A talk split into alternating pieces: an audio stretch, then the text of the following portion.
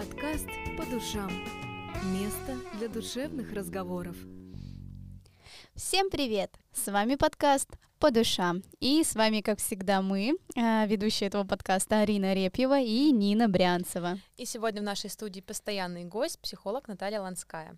Ну а поговорим мы сегодня на очень важную тему и разберемся, как же не стать врагом для своего ребенка. Привет, Наташа. Всем привет, добрый день. Сегодня тема действительно такая многогранная, я бы сказала, она интересная, и ну, каждый родитель воспитывает своего ребенка, отталкиваясь от своих ощущений, да. А, и иногда это воспитание приводит к тому, что во взрослой жизни ребенок э, не хочет общаться со, своим, со своей мамой э, и своим папой, со своим папой. Вот. А, что вообще к, к этому может привести и как избежать эти ошибки? Да, потому что бывают же детские травмы разных видов, я так, насколько я да. понимаю, угу. потому что все мы родом из детства, у всех да, да, травмы да, и так да, далее, да, да. но кто-то переживает их нормально и дальше строит отношения с родителями во взрослой жизни нормально, а у кого-то такие проблемы угу. остаются, и как их избежать, да. Угу. Я думаю, что точно мы сегодня не будем касаться темы поднятия рук на ребенка, да, это, понятное дело, приводит к травмам и, ну, как бы нежеланию общаться с родителями, а мы вот более такие глубокие какие-то темы обсудим. Угу. Вот. А, ты знаешь, я бы хотела сразу сказать, что вот ты сказал, что мы точно не будем касаться истории насилия, но насилие бывает разным. Mm-hmm. И, но я именно про физическое. Да, физическое насилие, но, как ни парадоксально, а, даже э, в тех семьях, в которых было физическое насилие, это не является как бы таким, ну, залогом того, что во взрослой жизни родители и дети не будут общаться. То есть бывают разные ситуации. Mm-hmm. Иногда дети находят в себе возможность простить, но, безусловно, это оставляет след. А иногда, ну, то есть как-то отношения реабилитируются, но иногда бывает так, что даже какого-то другого рода а, возможно, даже не травмы, но убеждения, они ставят а, какой-то барьер, то есть не являясь физическим mm-hmm. насилием, ставят барьеры между общением действительно родителей и детей. И, наверное, э, если мы сразу будем говорить о сути, да, действительно есть такой топ, mm-hmm. топ э, негативных сценариев воспитания, назовем это так, mm-hmm. когда э, помимо физического насилия э, родители э, Э, совершают эмоциональное насилие над своими детьми. А, об этом мы можем поговорить э, более подробно, поговорить, что это такое, когда очень э, основательно и очень жестко нарушаются границы ребенка, и причем границы как физические, так и эмоциональные. Да, это, наверное, такой второй пункт, который я хотела бы отметить. А, что еще может стать причиной того, да, почему вот эта вот связь нарушается, это обесценивание ребенка, mm-hmm. обесценивание его потребностей, его нужд, его характера, его взглядов и его ценностей с самого детства. И, к сожалению, ко мне в терапию часто приходят такие взрослые дети, кого обесценивали, да, э, мы в прошлый раз говорили о синдроме самозванца, о нарушении самооценки, по сути, это, конечно же, тоже вот это вот обесценивание, это основа mm-hmm. вот этого синдрома. А, также, что э, к сожалению, часто происходит, и родители ча- чаще думают, что это во благо, да, и что это воспитательная мера, это критика. Uh-huh. Да, то есть это критика действия ребенка, его поведения, его иногда даже внешнего вида. Uh-huh. Ну, тут все, безусловно, зависит от, э, скажем так, эмоционального уровня развития самого родителя. Uh-huh. То есть то, что он критикует, ну, иногда это бывает даже вот так вот, да. Хотя, э, ну, как бы, э, адекватно ли критиковать внешность ребенка, это под большим вопросом, да, но, к сожалению, да, такое бывает.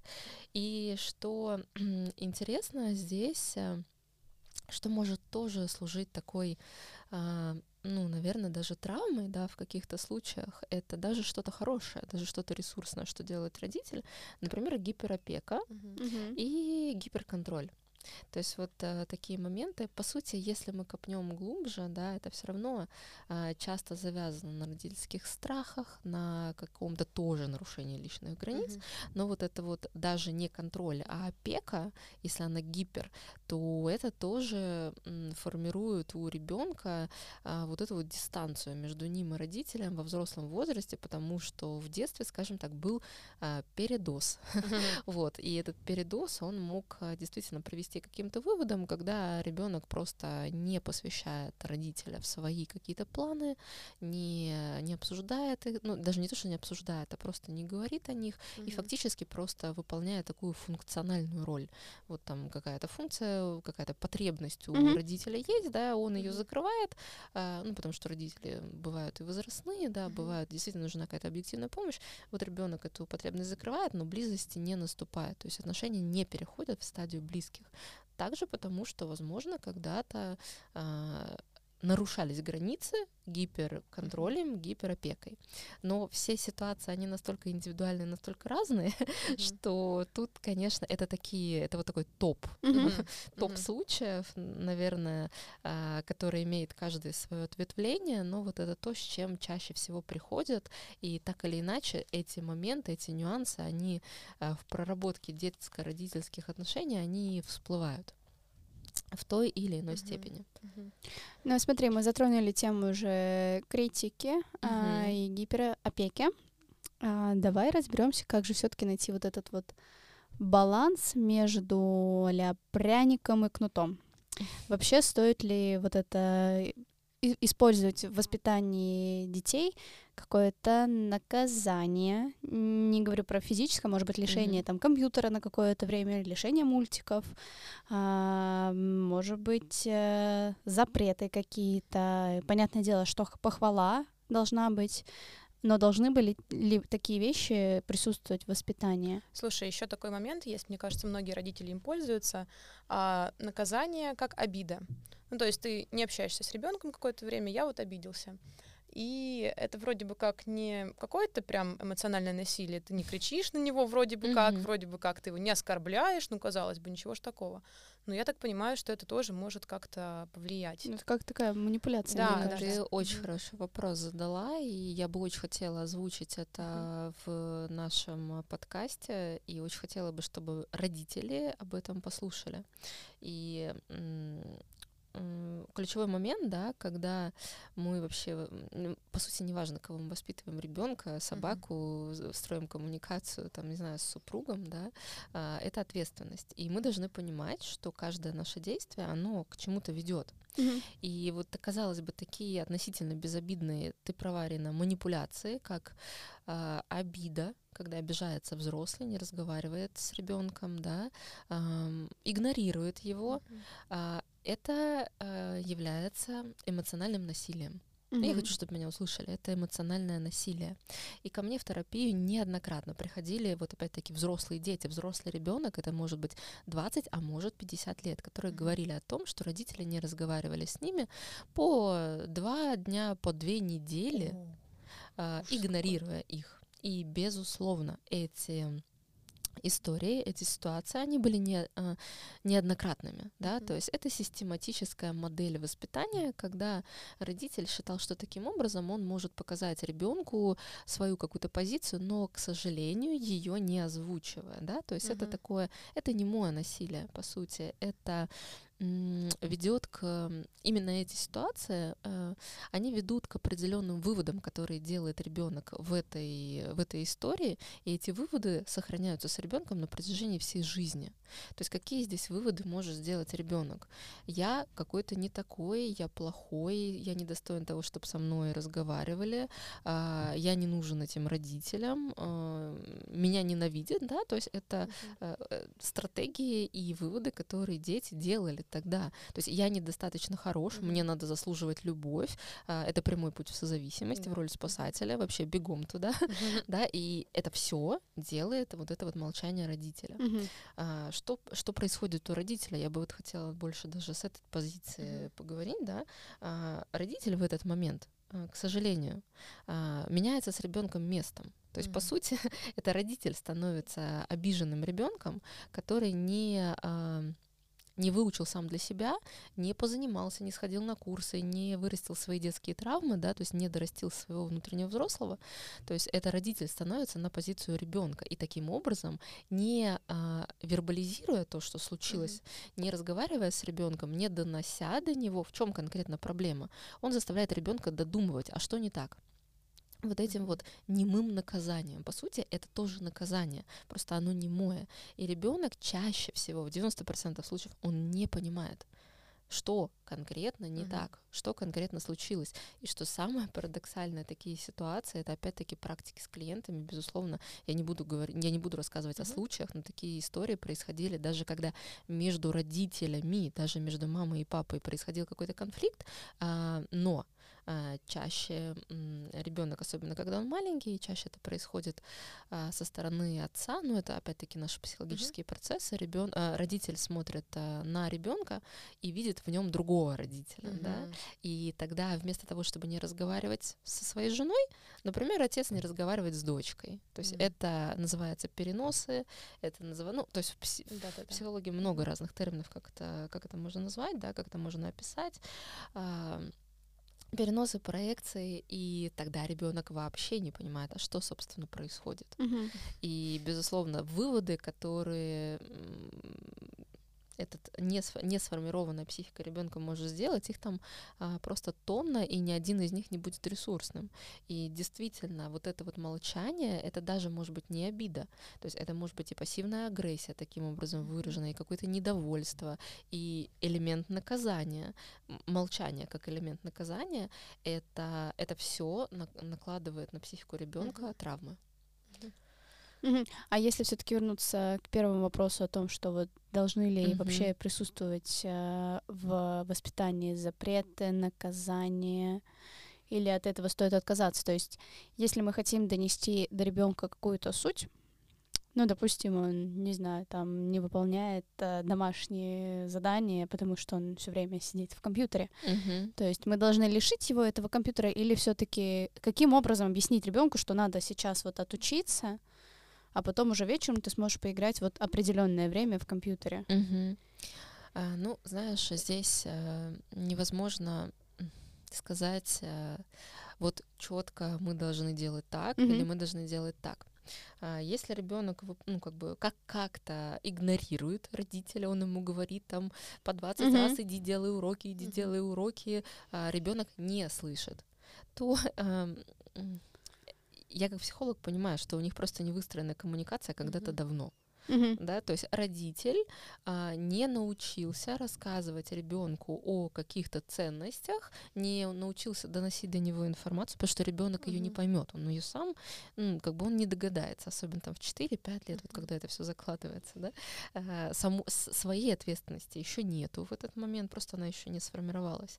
И Наверное, э, да, это может быть будет не, педагогично и не психологично. То есть в такой момент, безусловно, может быть, компьютер можно только, скажем так, изолировать, mm-hmm. чтобы ребенок услышал, mm-hmm. если это такой метод. Но тут надо задуматься, почему ребенок не слышит. И основа а, взаимоотношений родителя и ребенка это коммуникация. А, коммуникация, которая доносит ценности тех или иных действий. Да? То есть почему надо учиться, почему надо отложить компьютер, почему надо то или это. И если ребенок будет говорить, что а у нас все играют в компьютер, а вот тому соседки вот то-то, то-то, а ей там купили вообще пять приставок, и она вообще уроки не делает, то опять-таки, ну это момент для родителя услышать это, услышать, что говорит ребенок. И если он не может э, решить это сам, да, возможно, пойти к семейному или детскому психологу, потому что а, в возрастном развитии детей а, на протяжении там а, до 8 лет это одни ценности, с, с 10 до 12 это mm-hmm. другие ценности, с 12 там до, до 16, 14 и так далее, там будут совсем разные ценности, если мы бы говорили сегодня о этапах развития, то есть а, родитель должен быть в курсе того, а что сейчас волнует его ребенка. То есть понятно, что в 12 лет его волнуют, по сути, не уроки, mm-hmm а, ему важно быть а, таким же, как все в его классе. если родитель будет разбираться в нюансах того, а что, собственно, ребенку сейчас важно, то он сможет этим а, подавать какой-то пример, да, это есть манипуляция, но она ресурсная, mm-hmm. да, то есть mm-hmm. он будет говорить, вот хорошо, смотри, ты будешь там, не знаю, частью класса, у тебя будут хорошие взаимоотношения там со сверстниками, вы сможете проводить больше времени вместе, если ты будешь не только сидеть в компьютере, а ты, например, сделаешь вовремя уроки, и вы там сможете пойти там к Маше на день рождения, mm-hmm. Mm-hmm. да, и все будут довольны, все будут счастливы, вот, а, то есть здесь а, любому родителю надо быть, конечно, ну, назовем это хитрее. Uh-huh. назовем это хитрее. А, наказание, оно может именно в том э, ключе, как ты, Арина, привела пример, когда мы уже понимаем, что коммуникация, она где-то там mm-hmm. потерялась сколько-то лет назад, это уже не приведет к близости. Mm-hmm. То есть тут к сож... ну, не знаю, к сожалению или, или к радости для какого-то родителя, который меня сейчас услышит, конечно же, ему нужно взять ответственность в свои руки и разобраться хотя бы в возрастной психологии ребенка на вот этом этапе его жизни. Uh-huh. И когда ко мне приходят, я не детский психолог, но я работаю со взрослыми, я прекрасно понимаю, какие uh-huh. у них были uh-huh. когда-то травмы, да, с которыми они приходят. А, то есть надо понимать, какие ценности у ребенка, вот, например, в возрасте трех лет, пяти лет, восьми и двенадцати. И, в принципе, это, это все под силам а, прочитать даже в интернете, и, исходя из этого, уже строить коммуникацию, уже строить эти объяснения, и тогда наказание как такового и манипуляций, а, прямо таких жестких, их, скорее всего, не понадобится. И вот хотя бы обладание этой информацией, а что сейчас важно для моего ребенка, вот изначально, когда он только вступает в этот возраст, а, это понимание, оно убережет от очень многих а, кнутов, да, от очень многих каких-то конфликтных моментов, а, и тогда вот это вот взаимоотношение между родителями и детьми, оно будет гораздо ну, теплое, наверное, mm-hmm. это в каждой семье это по-разному, да, mm-hmm. то есть нету критериев вот этой теплоты, но отношения будут доверительнее, назовем это так. И ну, здесь ключевой момент это вот действительно обладание информацией, она достаточно доступна сейчас, mm-hmm. или там две сессии с психологом просто как инфотерапия, они быстренько поставят все на места. Mm-hmm. А, и, конечно же, момент ответственности, ответственности родителя. Мы должны понимать, что это не ребенок там в свои 7-10 лет должен брать брать э, всю ответственность в свои руки и делать вот так, вот как родитель этого ожидает. Нет, нет, нет. Это родитель должен быть в позиции родителя, то есть э, значимой фигуры и ответственного человека, который когда-то принял решение завести ребенка.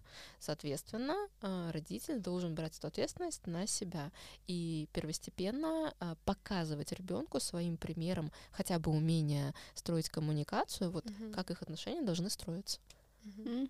Слушай, у меня такой вопрос, может быть, немножко мы от темы детей именно уйдем. Например, вот когда-то в прошлом были проблемы вот во, взаимо... во взаимоотношениях родителей и детей, была какая-то гиперопека, может быть, а, не произошло сепарации, и вот уже взрослый человек а, вот с этой проблемой живет.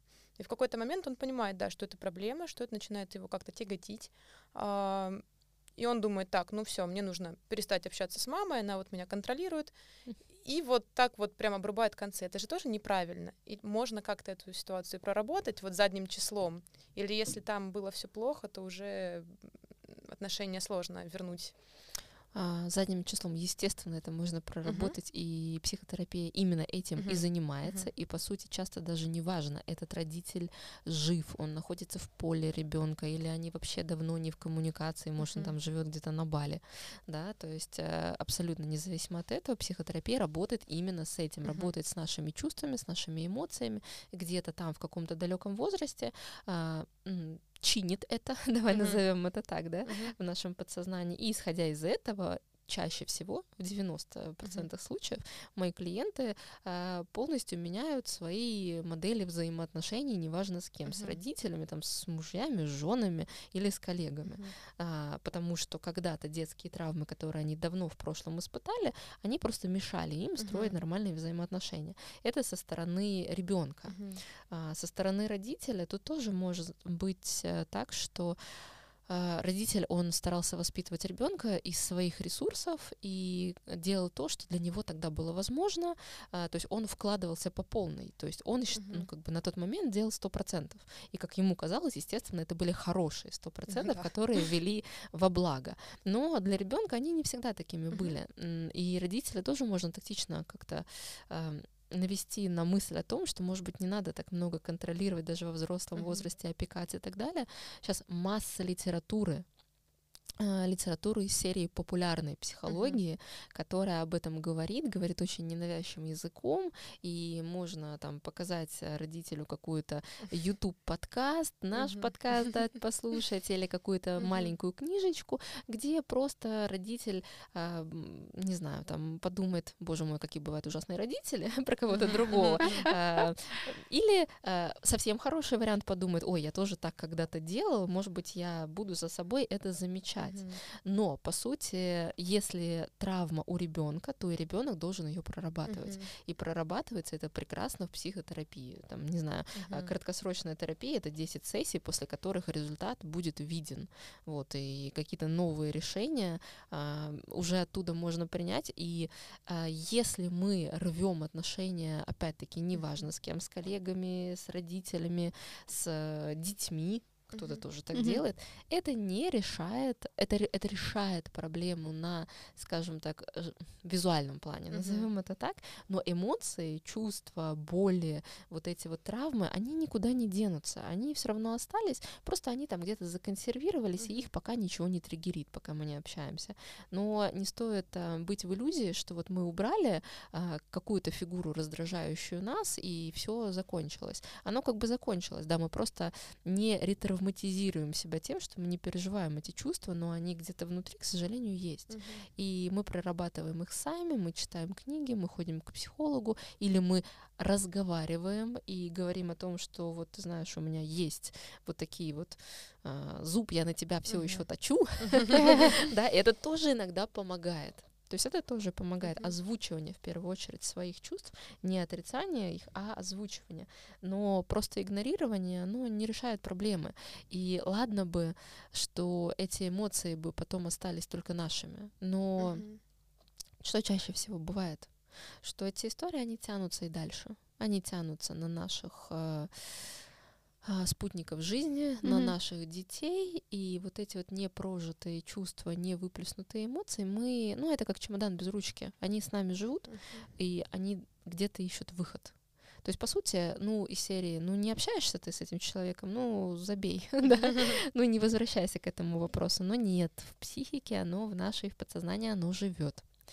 И поэтому я за то, чтобы, как бы неприятно не было, вернуться к этому, потратить на это, не знаю, там 10 часов своей жизни, определенное количество времени и денег, э, выйти, сказать, ой, как хорошо, и, и пойти строить нормальную, адекватную, взрослую, новую жизнь. Uh-huh. Но если мы думаем, что мы из серии выключили этот канал общения, и он больше нигде не всплывет, ну, у меня могут быть нехорошие новости для этого, а он может всплыть. Слушай, у меня такой еще вопрос. А с какого возраста, ну, если так можно сказать, может быть, примерно, uh-huh. а, человек считается достаточно взрослым для того, чтобы сказать, все, я принимаю решение сам, дальше я не нуждаюсь в твоих советах, грубо говоря, ну или там нуждаюсь, но я поступлю вот так, как я ну, считаю нужным, грубо говоря. Потому что бывает так, что, например, ну вот человеку уже немножко за 18, там, ну, uh-huh. 20 лет, например, у него какие-то такие решения в жизни куда пойти учиться, например, какую профессию выбрать, куда пойти работать. Ну, то есть они какие-то тоже кардинальные, жизненно uh-huh. важные для него, может быть, первые в жизни. Uh-huh. И родитель, фундаментальные. Да, фундаментальные. И родитель очень переживает, естественно, это же мой ребенок, он еще маленький, ну, 20 лет, ну, недавно же было 18, ну, ну вот. Ну, и он говорит, нет, вот туда точно не надо, эта профессия вот не нужна тебе, точно.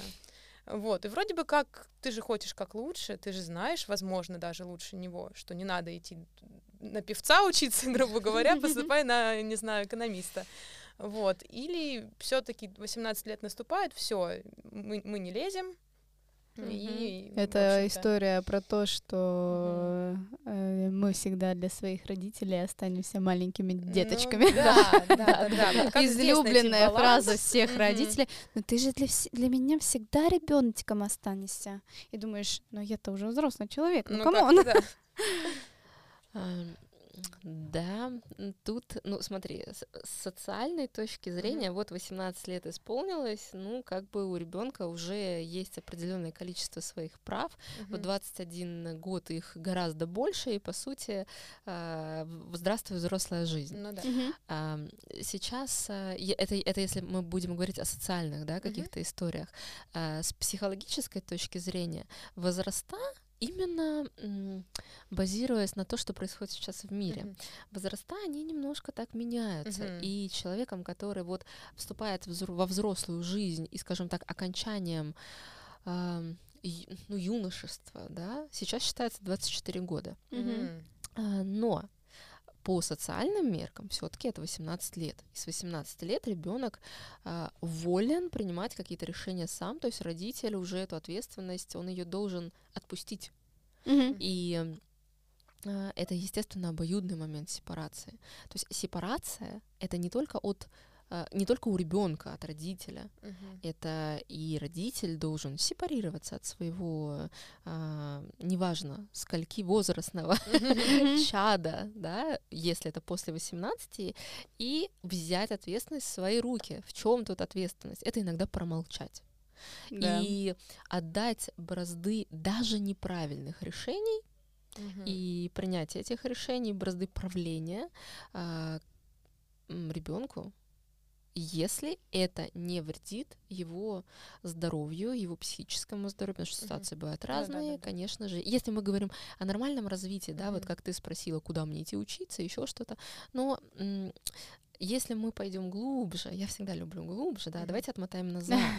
Если такой вопрос э, в 18 лет вот еще стоит, и такой ответ у родителя, вот когда ребенку там 18, 20, 25, 30, нет, тебе этого точно делать не надо, то проблема была когда-то давно, и она не только в 18 лет актуализировалась. Угу. Это, в принципе, опять-таки, та же гиперопека, гиперконтроль и вопрос к родителю. Долго, долго родитель будет считать, что ребенок это его собственность, или как?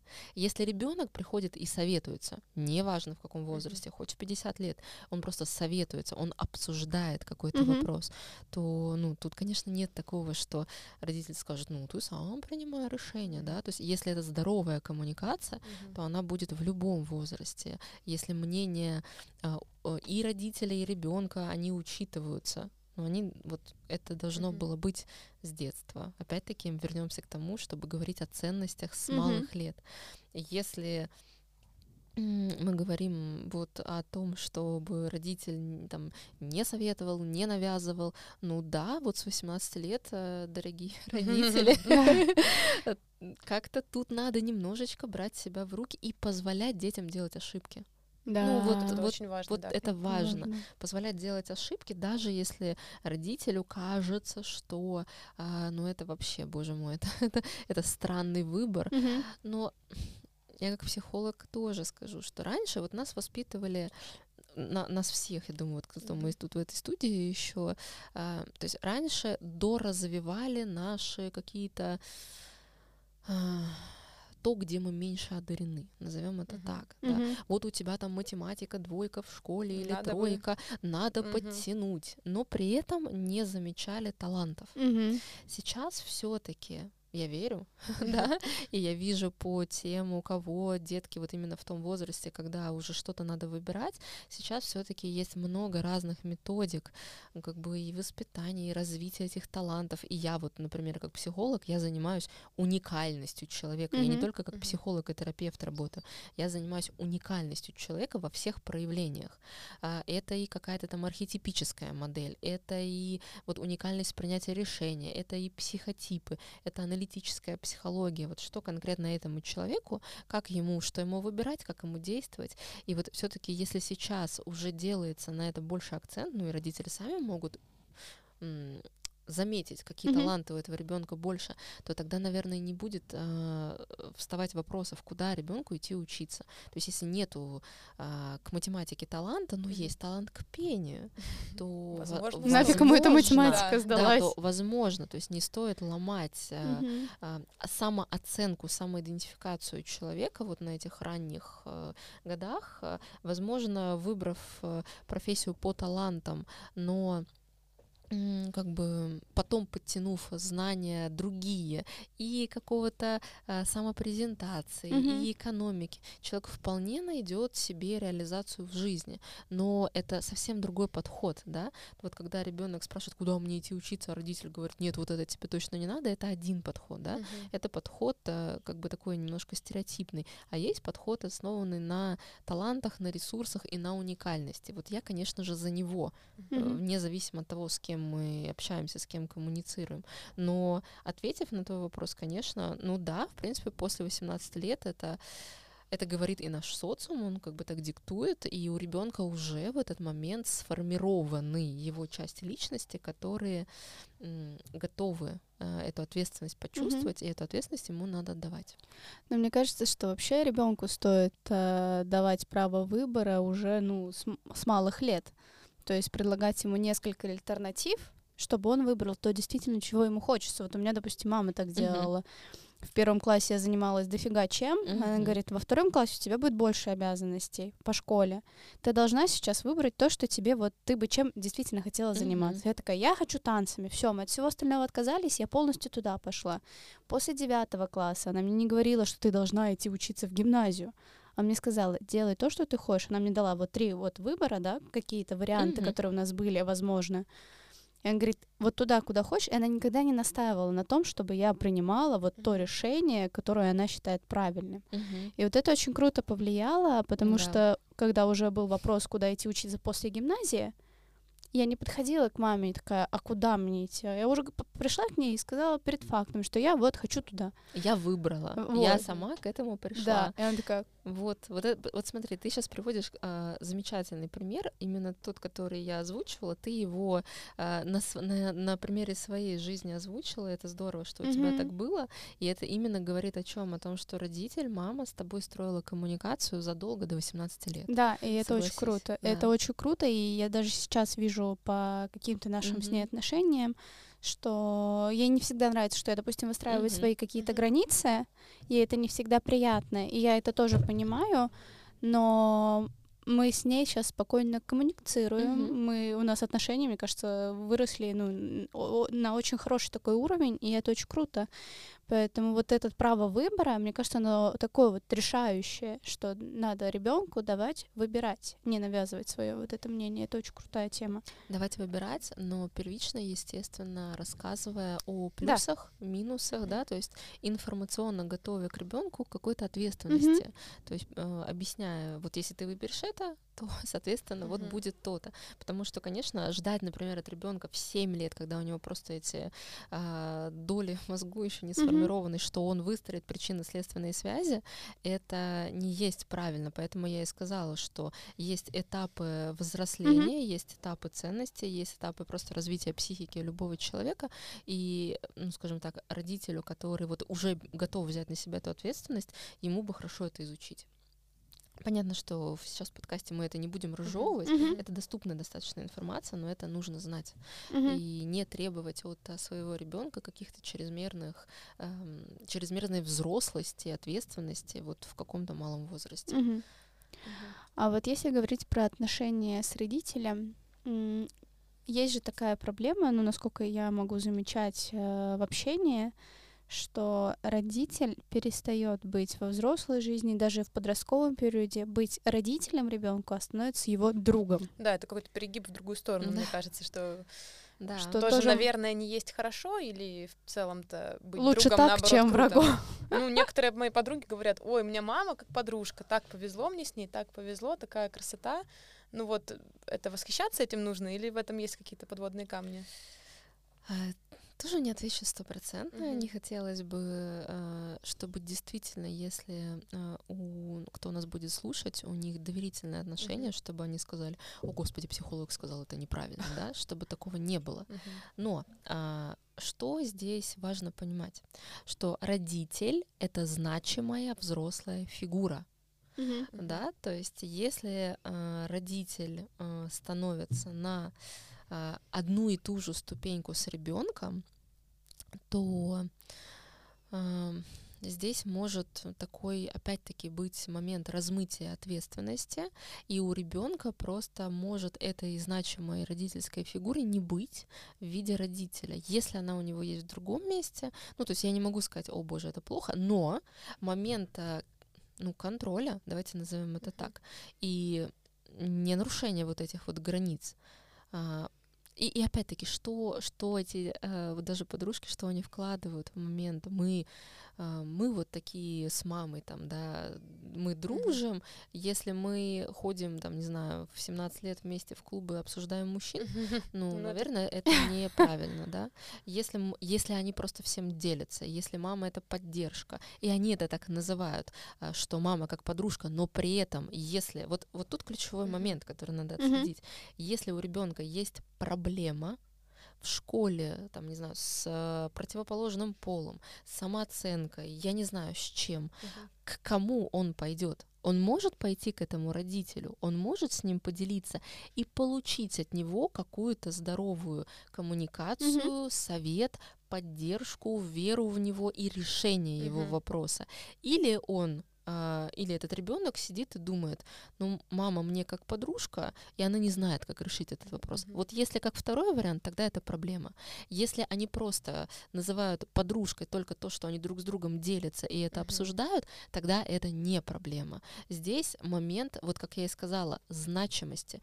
Не надо забывать о том, что родитель это своего рода авторитет. И если у ребенка именно до 18 лет есть какой-то нюанс, который требует решения, mm-hmm. может он пойти к родителю родителю, видит он в нем опору. Если видит, тогда все нормально. Если не видит, то здесь, да, здесь нарушение. Прикольно получается. То есть во всем должен быть такой, во всем есть но, если это но в хорошую сторону, тогда все в порядке у вас. Если а, есть вопросы. Есть, да, есть, смотри, есть такие законы семейной системы, да, угу. семейная психология, в которой есть определенная иерархия, в которой каждый выполняет свою функцию, и это просто надо знать. Угу. И если здесь все нормально, тогда как ты это не назови, мы там с мамой подружки, мы там с папой, не знаю, друзья, то если все-таки родитель авторитет, тогда все хорошо. Если если это по-другому, тогда, ну, как бы, тогда хоть ты называй подружками, или там, или хоть э, говори, что мама только мама, но тем не менее мама сама спрашивает совет, угу. ну вот. Как я сказала, каждый случай он индивидуален, но вот именно по этому критерию может ли ребенок обратиться? ну, возможно, даже, не знаю, обратиться как более значимой фигуре в 25 и в 30 mm-hmm. лет, ну, если нужна поддержка, если нужен совет, потому что мама всегда мама, папа всегда папа. Это, это не друзья, это не наши братья, не наши сестры, mm-hmm. это наши родители. И вот закон этой иерархии, ну, как бы эту иерархию важно соблюдать. Mm-hmm. Если она соблюдается в семье, прекрасно. Ну что ж, мы сегодня обсудили такую прям хорошую, интересную тему. Мне кажется, эта тема будет полезна как для родителей, так и для детей. Причем в любом возрасте. В любом mm-hmm, возрасте. Да. Ну, как бы не прям для совсем маленьких, ну, конечно. Ну, с 7 лет, я думаю, что можно уже применять какие-то Советы. Да, не, к тому, что подкаст в 7 лет ты а, вряд ли поймешь, что мы так наговорили. Но подросткам уже можно будет послушать и для себя какие-то вещи понять, и, может быть, а, будет шанс как-то перестроить отношения с родителями. Да, я думаю, что наш подкаст, он э, полезен для обоих, но все таки Арина, я считаю, что наш подкаст полезен в первую очередь для родителей. Mm-hmm. И если дети в любом возрасте обнаружат у себя какие-то травмы, то не стоит а, идти к родителям а, уже, возможно, очень взрослым mm-hmm. и говорить, вы знаете, вы поступали со мной неправильно, да, то есть это уже бессмысленно только испортить отношения. Mm-hmm. Тут вот я бы сказала, что, наверное, лучше поработать над собой, проработать эти mm-hmm. травмы лично, потому что, как мы знаем, родители все-таки стараются давать самое да. лучшее своему да. ребенку. Если для ребенка это было ну как-то дисгармонично, то но ну, они, вероятно, это... сами об этом не знали. Да, да. и родители mm-hmm. все равно делают э, все от сердца, и им кажется именно такие поступки правильными. Но да. они делают это от любви. Да. Именно, именно так, да. То есть любые ситуации, которые даже самые странные в детско-родительских отношениях, с которыми ко мне приходят, когда мы начинаем это разбирать, даже делая, например, какие-то специальные техники, все равно это о любви и о желании дать mm-hmm. ребенку самое лучшее, но разными путями и разными действиями. Ну, а с вами был подкаст по душам. Э, в нашей студии сегодня был психолог Наталья Ланская. С вами, как всегда, были ведущие Нина Брянцева и Арина Арепьева. Ну, а мы с вами услышимся уже в следующем подкасте. Слушайте нас, подписывайтесь. И еще раз вспомните о том, что родители делают все от любви. Может быть, не всегда правильно, но они вас точно любят. Всем пока. Всем пока. Подкаст по душам. Место для душевных разговоров.